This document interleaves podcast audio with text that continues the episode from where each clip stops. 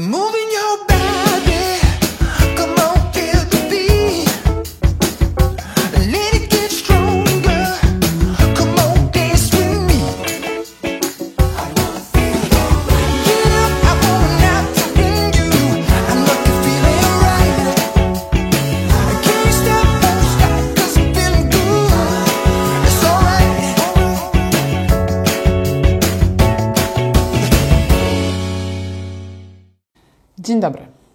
Witam w kolejnym odcinku programu Okiem Byłej Frankowiczki. Katarzyna Urbańska, zapraszam. Dzisiaj wyjątkowo bez gościa, ale wciąż tematów do rozmowy jest bardzo wiele. O czym chciałabym dzisiaj Państwu opowiedzieć?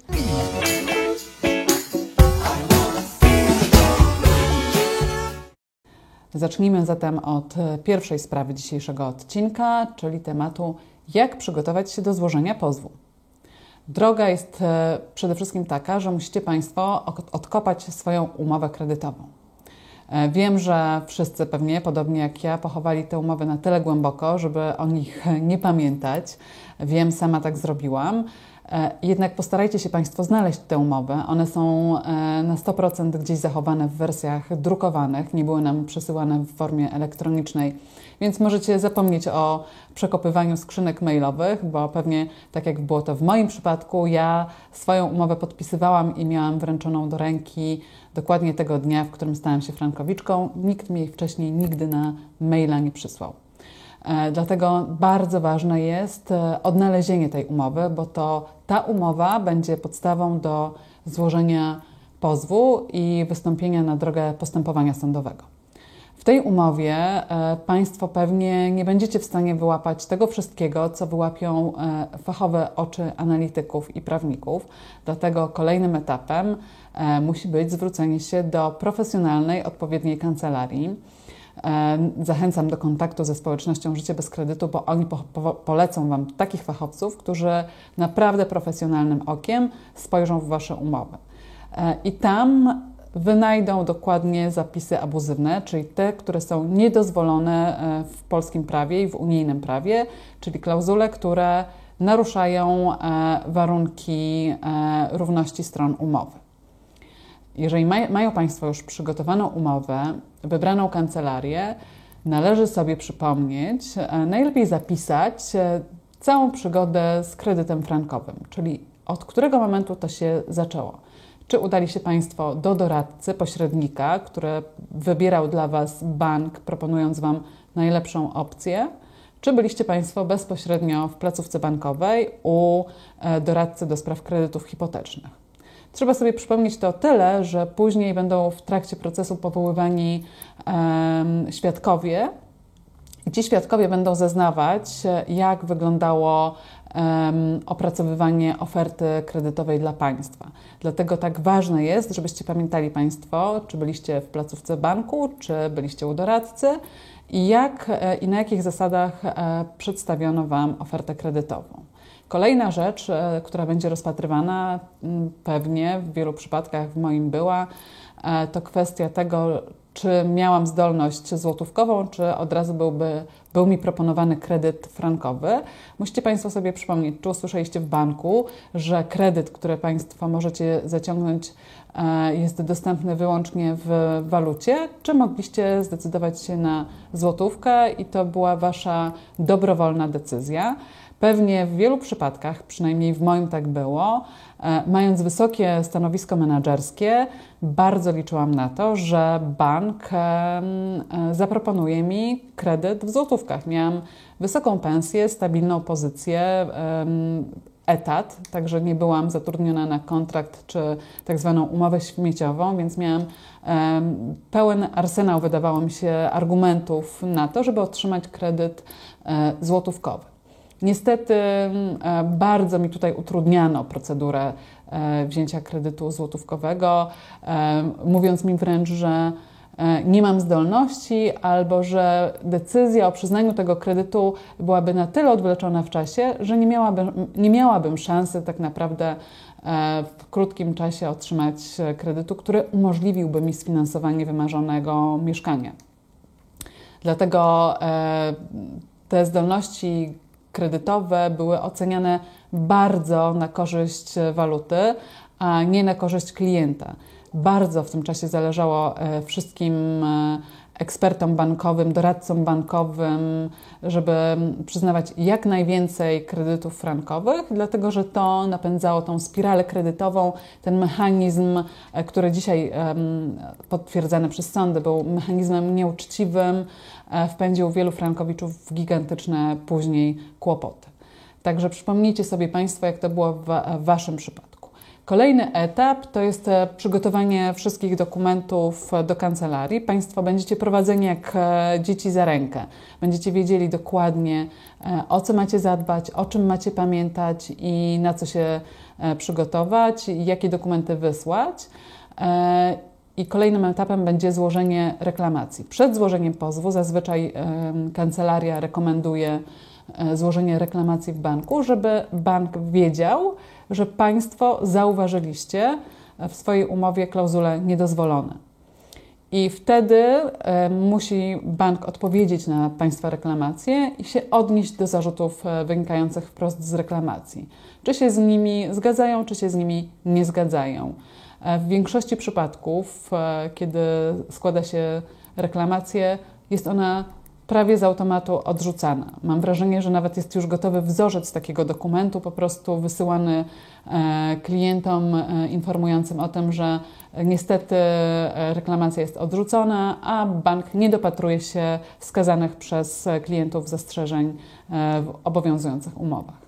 Po złożeniu reklamacji i po tym, jak uzyskacie Państwo odpowiedź z e, banku, e, musicie też dostarczyć e, harmonogram spłat kancelarii, czyli to, jak dokładnie przebiegała ta droga Waszego spłacania kredytu, ile wynosiły raty w poszczególnych latach, miesiącach, jak to się rozkładało w czasie, więc cały taki harmonogram od samego początku spłat będzie też wymagany jako załącznik do złożenia pozwu. I to razem z umową e, będzie już komplet dokumentów wymaganych od państwa. Teraz już kancelaria zajmie się profesjonalnym przygotowaniem pozwu, złożeniem e, wszystkich dokumentów i przygotowaniem pełnomocnictw e, w ramach prowadzonej sprawy. Także wygląda to skomplikowanie, ale z Państwa strony naprawdę nie będzie wymagało dużej pracy, a korzyści oczywiście są e, niewspółmierne do trudu, który trzeba ponieść. To, co mnie osobiście rozbawiło w trakcie całej procedury, to to, że dużo dłużej trwało e, odebranie od banku tych wszystkich dokumentów, o które mnie prosiła kancelaria, niż podpisanie umowy kredytowej. Wydawałoby się nieprawdopodobne. Przecież ja przyszłam do banku po ogromne pieniądze, a się okazało, że łatwiej mi było z banku wydobyć te ogromne pieniądze, wydobyć e, brzydkie słowo, bo to była przecież e, forma finansowania, pożyczka, kredyt, e, niż dostać prośby o harmonogram spłat, czy właśnie odpowiedź na reklamację. To trwało o dziwo dużo dłużej niż sama cała procedura wzięcia kredytu na kilkaset tysięcy złotych. E, także potem już Państwo przystępujecie do e, drogi sądowej, do postępowania sądowego razem e, z kancelarią, ramię w ramię. Proszę się nie obawiać tej drogi sądowej, dlatego że ona nie jest wcale taka trudna. Sądy już się nauczyły postępować w sprawach frankowych. E, wiedzą już, e, jak to wygląda, więc się nie uczą e, na Was zupełnie nowego tematu. Także gdzieś te umowy były na tyle podobne i na tyle są te konstrukcje prawne zrozumiałe dla sądów, że nie muszą naprawdę teraz sobie utrudniać pracy i postępowania, powołując dziesiątki biegłych, dlatego że gdzieś już wiedzą, E, z kim rozmawiać, o czym często wystarczy jedno przesłuchanie państwa. Na pewno tak e, będzie wyglądała ta sprawa sądowa, że będzie jedno przesłuchanie stron, czyli państwo będziecie odpowiadać na e, pytania sądu i odpowiadać na pytania strony pozwanej, żeby dowiedzieć się, jakie okoliczności były E, wokół zawarcia kredytu. Także to jest jedyny moment, w którym Państwo w sądzie fizycznie będziecie musieli odpowiadać. E, chociaż teraz jest droga e, ułatwiona, sprawy odbywają się online albo w trybie hybrydowym, więc tutaj nawet może się okazać, że będziecie Państwo łączyć e, z sali konferencyjnej kancelarii, która będzie Was reprezentować, a niekoniecznie będziecie musieli się stawić na sali sądowej. E, to też trochę przyspiesza procedurę, więc e, to nie są jakieś obawy czy utrudnienia, a naprawdę skuteczna i dobra forma. Po przesłuchaniu stron sąd analizuje, czy jest konieczność powoływania kolejnych biegłych chociaż to się zdarza już coraz rzadziej, albo przesłuchiwania kolejnych świadków. Zazwyczaj e, zapada orzeczenie pierwszej instancji. E, potem e, jest proces apelacyjny, który kończy się też zazwyczaj po jednym przesłuchaniu. Także Często te rozprawy, tak jak w przypadku moim, takim standardem były trzy rozprawy, łącznie z rozprawą apelacyjną. Na czwartej rozprawie usłyszałam prawomocny wyrok. Także mam nadzieję, że ta droga e, i ten taki krótki instruktaż trochę Państwu e, otworzył oczy na to, jak wygląda e, sam proces składania pozwu i dokumentów. Nie jest to droga trudna, a myślę, że wielu z Państwa może pomóc.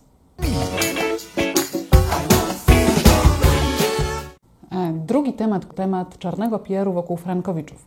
Szczerze powiem, jestem e, bardzo dotknięta tym, co się dzieje wokół Frankowiczów, tego jak nagle tak źle zaczęto mówić o Frankowiczach jako o grupie e, społecznej, która tak naprawdę cwaniakowała, biorąc kredyt we franku szwajcarskim. E, próbuje się w ten sposób oczernić tę naprawdę wieluset tysięczną społeczność, mówiąc, że przecież wiedzieli, na co się decydują, przecież wiedzieli, jakie umowy podpisują, przecież zarabiali w złotówkach, to dlaczego brali kredyt w walucie obcej, przecież tak naprawdę są sami winni, nieznajomość prawa szkodzi i tak dalej, i tak dalej. Wygląda to bardzo niefajnie z perspektywy obserwatora, na szczęście już dzisiaj, osoby, która szczęśliwie ma za sobą całą tę drogę formalną, osoby, która naprawdę chciała się dogadać z bankiem. Ja naprawdę, zanim w ogóle przystąpiłam do społeczności Życie bez kredytu, zanim stałam się e, zagorzałą orędowniczką tego, żeby walczyć o swoje, e, bardzo chciałam się z bankiem dogadać. I naprawdę orientując się w, e, w, sytuacji i wiedząc, że w pewnym momencie ten kredyt zaczął mi mocno dokuczać, dokuczać także mojej rodzinie, chciałam się z bankiem dogadać. Myślałam, że jeżeli jesteśmy partnerami umowy kredytowej, to możemy sprawę załatwić bez angażowania e, instytucji państwa, sądu i że po prostu dwie strony jednej umowy znajdą wspólny język i wspólną komunikację. Bardzo to było błędne przeświadczenie. Okazało się, że bank w ogóle nie chce ze mną rozmawiać i nie chce mnie traktować jak partnera w tej rozmowie. I zaczęłam zastanawiać się, o co chodzi. E, no i właśnie wtedy zaczęły pojawiać się pierwsze sygnały na temat tego, że te umowy zawierały konstrukt prawny, który jest niedozwolony na rynku europejskim. Ba, to jest konstrukt prawny, który jest e, niedozwolony na rynku światowym, bo przypomnijmy, że tak naprawdę opcja kredytów walutowych wypłynęła na antypodach, czyli e, dalekiej Australii, gdzie e, proponowano kredyt walutowy bardzo małej grupie ludzi i ten kredyt w latach 80. bardzo szybko został ukrócony. Powiedziano, że to są umowy nieuczciwe. 5 tysięcy osób wtedy pozwało banki i wygrało. Także to nie jest tak, że e, my byliśmy absolutnie świadomą stroną e, tego konfliktu i przystąpiliśmy z pełną e, świadomością do umowy kredytowej. No niestety tak nie było. Ja nie zapomnę sytuacji, w której widząc walutę obcą w, w mojej umowie kredytowej podczas spotkania przy podpisywaniu tej umowy, Dopytywałam, co to znaczy dla mnie, jak wygląda to tak zwane ryzyko kursowe, i jedyne, co słyszałam wtedy, naprawdę jedyne, to było to, że no to delikatnie może się wahać e, pani rata w spłacie, bo ja nie rozumiałam, dlaczego podpisuję umowę kredytową na walutę obcą we franku szwajcarskim, którego wtedy nawet na oczy nie widziałam, a wypłacane są mi pieniądze w złotówkach. E, spłacam do banku, wpłacam złotówki i potem ktoś to sobie później przelicza na franka szwajcarskiego i w jakiś sposób magicznie to e, powoduje spłatę mojego kredytu we franku szwajcarskim. Co więcej, okazało się, że ja wcale nie tego kredytu nie spłacałam, tylko mi saldo kredytu cały czas rosło. Ja cały czas e, nie byłam w stanie nawet dojść do pułapu, w którym zaczęłabym spłacać e, de facto moje mieszkanie. I ja dzisiaj, czytając artykuły, których pojawia się coraz więcej, niestety, widzę, jak e, o takich osobach jak ja e, i wielu moich rówieśnikach, wtedy mieliśmy po 20 parę lat biorąc te kredyty, mówi się, że byliśmy cwaniakami, że jesteśmy sami sobie winni. Proszę Państwa, naprawdę, to były kredyty, które braliśmy na nasze pierwsze w życiu mieszkanie. Wkraczaliśmy w dorosłe, świadome życie, zakładaliśmy swoje pierwsze rodziny. Większość frankowiczów do dzisiaj mieszka w swoich frankowych mieszkaniach. Po pierwsze, dlatego, że nie jest w stanie e, spłacić zobowiązania kredytowego, a po drugie, dlatego, że to faktycznie były mieszkania nie na inwestycje, e, nie po to, żeby e, oszukać system i kupić nie wiadomo ile nieruchomości i zarobić na tanim kredycie, tylko po to, żeby zamieszkać w mieszkaniu, o którym marzyliśmy, założyć rodziny, tak jak wspomniałam. I dzisiaj mówi się o tych ludziach, że wiedzieli, co robili no niestety nie wiedzieli, co robili, dlatego że już dwa wyroki Trybunału Sprawiedliwości Unii Europejskiej potwierdziły, że bank, e, zawierając takie umowy z nami, wprowadzał nas w błąd. To były te tak zwane klauzule abuzywne, czyli klauzule niedozwolone, które tak naprawdę powodowały, że te umowy były nierówne, dwie strony tej umowy były nierówne, że szala decydowania i siły była cały czas po stronie banku to banki miały większe możliwości e, informacyjne, to one dokładnie wiedziały, jak może wyglądać sytuacja z frankiem szwajcarskim. Nikt z nas, e, mając naprawdę dobrą wiedzę prawniczą, ekonomiczną, nie był w stanie przewidzieć sytuacji, która nas spotkała. Co więcej, ta sytuacja wydarzyła się dla nas, Frankowiczów, tak naprawdę z dnia na dzień. Biorąc kredyt na początku 2008 e, roku, nie wiedziałam, że za e, kilka miesięcy nastąpi jeden z największych światowych kryzysów e, gospodarczych, do które, którego skutki odczuwamy do dzisiaj. Że to był kryzys gospodarczy, który wpłynął naprawdę na życie wielu z nas. Z dnia na dzień nasze raty skoczyły nie o 200-300 zł, jak mnie uprzedzano, tylko skoczyły niemal dwukrotnie. Więc w sytuacji kiedy moje zobowiązanie kredytowe wzrasta dwukrotnie, a moja zdolność kredytowa była obliczona na inną sytuację i moje możliwości finansowe były obliczone na inną sytuację, nie byłam w stanie nic z tym zrobić. W wielu przypadkach obniżyło to naprawdę standard życia. E, w bardzo wielu przypadkach e, kredyt wiązał bardziej niż e, instytucja małżeństwa. Co więcej, e, wiele rodzin nie przetrwało tej e, sytuacji związanej wbrew pozorom e, z rzeczą, która nie miałaby prawa burzyć ich relacji osobistej, czyli z frankiem szwajcarskim. Wiele osób się rozstało, no, a ci, którzy chcieli sprzedać swoje mieszkanie i zamarzyli się o sobie większe mieszkanie, no bo możliwości finansowe ich nagle się zwiększyło, okazało się, że nie mają takiej możliwości, nie mogą myśleć o przyszłości, o inwestowaniu w swoje dzieci, w swoje rodziny, budowaniu e, nowej przyszłości w kolejnym M, dlatego że ich zdolność kredytowa nie była możliwa. A wszystko przez to, że e, właśnie ten mechanizm zawarty w umowach kredytowych powodował ich obniżoną e, zdolność reakcji. Dlatego to, co Państwo słyszycie o Frankowiczach, to, że to jest grupa społeczna, która chciała oszukać system, to jest bardzo nieuczciwe. Tak samo dzisiaj mówi się o tym, że frankowicze, którzy pozywają banki, e, naruszają tak naprawdę konstrukt ekonomiczny całego kraju, że nagle będzie wielka zapaść finansowa i gospodarcza, że każdy Kowalski poniesie koszty e, kredytu frankowego. To nie jest prawda, proszę Państwa. To jest coś, co banki próbują Państwu opowiedzieć i wmówić i przekonać, że nagle załamiemy system finansowy tym kraju, a kto inny tak naprawdę będzie spłacał zobowiązania frankowiczów.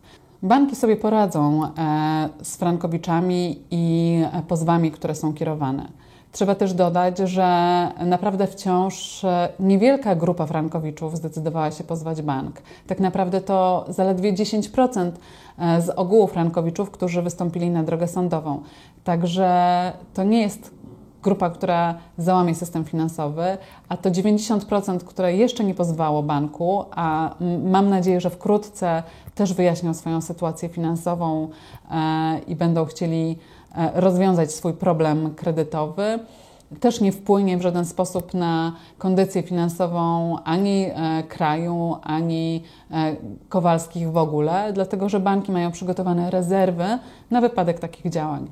Dlatego prośba do wszystkich frankowiczów, żeby nie bali się tego, że teraz wychodzą na drogę konfliktu prawnego i konfliktu społecznego, bo ich sąsiedzi mieli kredyt w złotówce, a oni są frankowiczami i ktoś może im mieć za złe, że próbują e, kombinować i próbują teraz zarobić na tym, e, że pozywają bank. To niestety tak nie działa, to znaczy niestety dla e, banku, a na szczęście dla frankowiczów. Co więcej, wyroki Trybunału Sprawiedliwości Unii Europejskiej, które oparte są na dyrektywie unijnej, mają zapewnić konsumentowi równość stron i mają zabezpieczyć prawa konsumenta, bo to nie może być tak, że jedna strona będzie decydować o przyszłości i życiu wielu polskich rodzin. To musi być równość tych stron i równość w postępowaniu. Dlatego wszystkie argumenty dziś przemawiają na korzyść Frankowiczów. Sądy tak orzekają i tak należy o tym myśleć, że Frankowicz nie jest złym człowiekiem. Frankowicz próbuje tylko doprowadzić do sytuacji, w której zachowana jest równowaga stron. Co więcej, myślę, że Sytuacja, która się wydarzyła, wyroki, które zapadają, czy to w Trybunale Sprawiedliwości Unii Europejskiej, czy w sądach apelacyjnych, czy orzeczenie Sądu Najwyższego, może tylko poprawić relacje klienta z bankiem wbrew pozorom, bo banki e, drugi raz nie pozwolą sobie na takie ryzyko i nie wejdą na taką drogę, w której mogłyby aż tyle stracić.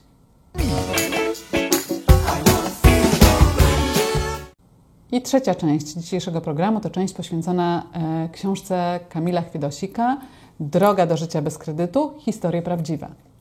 Jeżeli to, co mówiłam do tej pory, e, jakoś nie do końca rozwiało Państwa wątpliwości, to myślę, że ta książka to jest absolutny must have każdego Frankowicza, każdego, kto jest w trakcie postępowania sądowego z bankiem, ale każdego, kto waha się, czy bank pozwać, czy wejść na tę drogę. Ta książka to niesamowite wademekum wiedzy. Po pierwsze, znajdą Państwo tam wyjaśnienie wszystkich trudnych e, słów, niezrozumiałych pewnie nawet dzisiaj e, dla części Frankowiczów. E, przyznam, że ja sama cały czas odkrywam kolejne słowa, których nie jestem w stanie zrozumieć. Od tak banalnych rzeczy, czym różni się kredyt waloryzowany od kredytu indeksowanego, Często Państwo podpisując umowę nie wiedzieli, czy mają kredyt waloryzowany, czy indeksowany. Dzięki tej książce będą Państwo 100% e, przekonani, z czym mamy do czynienia. To książka, która pokazuje historie prawdziwe. Poznają Państwo e, historię kolejnych wygranych Frankowiczów. Frankowiczów, których droga e, zakończyła się szczęśliwie prawomocnym wyrokiem i dzisiaj mogą o sobie mówić że są byłymi Frankowiczami. Dlatego to są historie, które inspirują, ale pokażą też, że nie jesteście Państwo sami. Że Wasza historia nie jest historią wyjątkową, tylko jest historią jakich wiele. To książka, w której zobaczycie, jak wygląda e, orzecznictwo, zobaczycie wyroki e, sądu, zobaczycie, jak wygląda to na poszczególnych przykładach. E, możecie sprawdzić, że czy wasz bank zawierał taką umowę, a jak zawierał, to w jakich latach. Dokładnie tego wszystkiego dowiecie się, jak to wyglądało na przykładzie poszczególnych banków i poszczególnych umów, które były w tych trudnych frankowych latach zawierane. Dowiecie się Państwo z tej książki również, dlaczego prawo jest po Waszej stronie, bo to jest też często trudny temat dla frankowiczów, ale jakie przepisy o tym mówią, ale jak to wygląda faktycznie. To książka napisana w bardzo prosty i przystępny sposób dla każdego, kto nie jest prawnikiem i ekonomistą. Dowiecie się Państwo e, w przystępny sposób, w przystępnym językiem, e, na czym polegały abuzywne zapisy Waszej umowy, czyli niedozwolone. Zostaną wyjaśnione wszystkie pojęcia, zostaną przedstawione opisy sytuacji i okoliczności prawnych, w których Państwo się znaleźli. Z tej książki dowiecie się tak naprawdę, że idziecie po wygraną. Ta książka otworzy Wam oczy w miejscach, w których Wy się baliście. To bardzo ważne, dlatego że ten strach tak naprawdę najczęściej paraliżuje nas przed e, tym pierwszym krokiem, a okaże się, że tak naprawdę wystarczy mieć e, dobry podręcznik, dobrą encyklopedię, która poprowadzi nas e, przez tę drogę e, bez kredytu i będziecie Państwo szczęśliwie mogli e, spojrzeć na swoje życie w zupełnie innych barwach. E, książka też e, pokaże, jak wyglądało tak naprawdę oszustwo banksterów, bo trudno to nawet nazwać jakimś przekrętem banku. To byli banksterzy, którzy wiedzieli, co robią, zdawali sobie doskonale sprawę z okoliczności, w których stawiają E, kredytobiorców, także poznacie Państwo tam cały kontekst historyczny też, jak doszło do e, zawierania z nami tych e, niekorzystnych umów. Zobaczycie też korzystne orzecznictwo, które wpływa na to, że Wasza sprawa nie może przebiec inaczej, jak tylko być wygrana. Także proszę mi zaufać, to jest pozycja, którą musicie mieć. Droga do życia bez kredytu Kamila Chwiedosika otworzy Wam oczy i da takie poczucie bezpieczeństwa, że wy, wyposażeni w tę wiedzę, e, wzmocnieni taką dodatkową e, dawką e, siły, będziecie w stanie pozwać bank i mniej będziecie się obawiali procesu bankowego. Co ważne, znajdziecie też tam opinię psychologa, osoby, która doradzi Wam.